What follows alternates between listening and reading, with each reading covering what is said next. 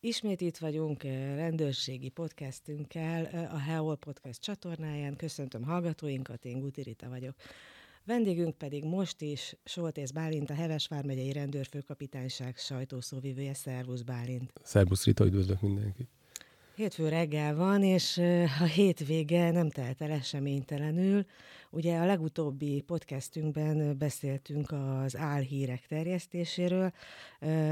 Közösségi oldalon jelent meg akkor egy poszt olyasmiről, aminek aztán kiderült, hogy nincsen teljesen valóság alapja. Egy egri szórakozóhely környékén történt esetről volt szó. Hát mit ad az ég? A hétvégén a kamaszlányom ismét mutatott egy üzenetet a közösségi oldalon. Ebben szemtanúkat kerestek egy pénteki buli után. Ennek van valóság alapja? Mi történt, Bálint? Sajnos azt kell mondanom, hogy ebben az esetben valóban történt egy ö, ilyen sajnálatos esemény. Még 18-án hajnali órákban történt az eset. Egy fiatalkorú fiút vittek el valóban a mentőszolgálat munkatársai az említett egri szórakozó helyről orvosi ellátásra. Kiderült, hogy szóváltásba keveredett egy másik férfival a szórakozó helyen, tehát össze is verekedtek, tehát ütésváltás alakult ki közöttük. Gondolom nem voltak józan állapotban. Nyilvánvalóan fogyasztottak alkohol, de ezt majd nyilvánvalóan a, a eljárásban fogjuk tisztázni, hiszen még nagyon az elején van a maga a büntető eljárás. Ugyanis a ütésváltás következtében ez a fiatal elesett, és ö, olyan sérüléseket szenvedett, hogy kórházba kellett, hogy szállítsák. Ö, időközben kiderült egyébként, hogy életveszélyes sérülései vannak. Tehát a Heves vármegyei rendőrfőkapitányság bűnügyi osztálya indított jelenleg ismeretlen tettes ellen nyomozást, életveszélyt okozó testi sértés elkövetésének gyanúja miatt szeretnénk hangsúlyozni, hogy az elkövetőnek az azonosítása a rendelkezés álló személyleírás egyéb felvételek alapján folyamatban van. Mert a felvételekről van szó? Így van, nyilvánvalóan vannak olyan információk, amiket mi nem szeretnénk nyilvánosságra hozni, de mint említettem, azonosítása ezekben a percekben is folyamatosan végzik munkatársaim, de emellett egyébként szeretnénk a, a, az esetnek szemtanúit is megkérni, hogy jelentkezzenek az ismert segélyhívószámokon, vagy személyesen a EGRI vagy a megyei főkapitányságon, akik ugye az említett időpontban, tehát 18-án hajnalban ezen a szórakozóhelyen voltak és látták ezt a, ezt a kialakult verekedést, akkor mindenféleképpen tegyék meg, hogy jelentkezzenek munkatársaimnál. Uh-huh. Ezt tette egyébként ez a posztoló is, ő, ő is azt írta le, hogy szemtanúkat keres, egy verekedés szemtanúit, ezen a bizonyos egri szórakozó helyen történt balhé miatt, és én úgy láttam, hogy ennél a posztnál ki volt kapcsolva a kommentelés. Ebben az esetben ez segíthet a rendőrségnek, hogyha egy ilyen poszt jelenik meg, ahol aztán a kommentek nem nem járulnak hozzá, de a posztoló esetleg kaphat olyan információt, amivel segítheti a ti munkátokat? Nyilvánvalóan ugye több esetben segítségünkre lehet a közösségi média, ugye nem is kell messzire mennünk, hogy az elmúlt héten egy fiatalkorú fiú eltűnésében tettünk közzé mi is felhívást.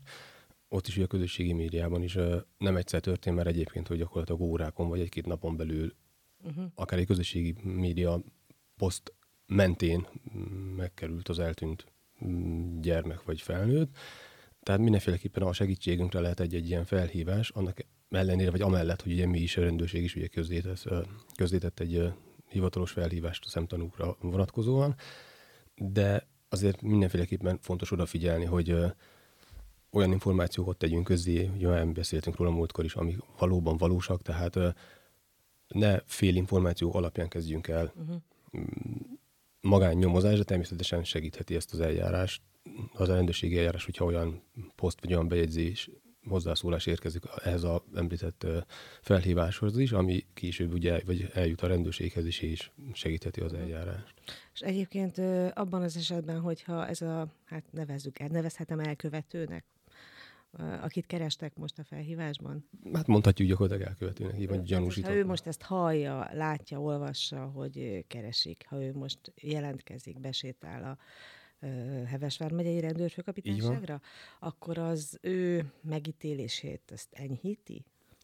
Nyilvánvalóan az eljárás későbbi szakaszában figyelembe veszik, hogyha önként feladta magát, vagy önként megjelenik a rendőrségen, hiszen ugye ezt majd a későbbi eljárásban is egyik eleme lehet az eljárásnak, hogy fogalmazunk így, hogy nem állhat fel mondjuk a szökés elrejtőzés beszélje, pont amiatt ugye ő önként megjelent.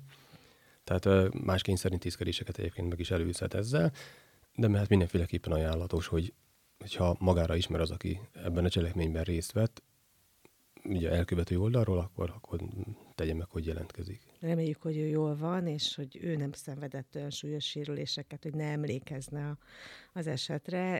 Akkor tehát azt javasoljuk neki, hogy ha hallja, látja a felhívást, akkor jobban teszi, hogyha jelentkezik a rendőrségen. Így van. Másik téma. Most reggel, hogy jöttem befelé dolgozni, ezért éreztem, elég csípős idő van, hideg van, itt a, itt a tél, hogyha fogalmazhatunk így. Volt egy másik felhívásotok is, ami éppen ezzel kapcsolatos.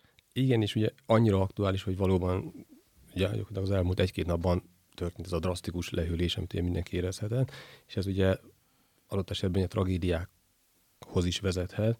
Ugye a hideg idő beköszöntével a nagyobb veszélynek vannak kitéve a hosszú téli esték, hideg időjárás, illetve a fagypont alatti hőmérséklet fokozálása miatt az egyedül élő idős emberek. Uh-huh. Természetesen ugye embertársainkért is felelősséggel tartozunk, és uh, talán fogalmazhatunk úgy, hogy egy társadalmi összefogással ezeket ugye megelőzhetjük, hiszen uh, annak amellett ugye a rendőrség is uh, fokozottan kisebb településeken ezeken az ismert idős egyedül élő embereket visszatérően meglátogatja, megkérdezi vele bármilyen segítségű.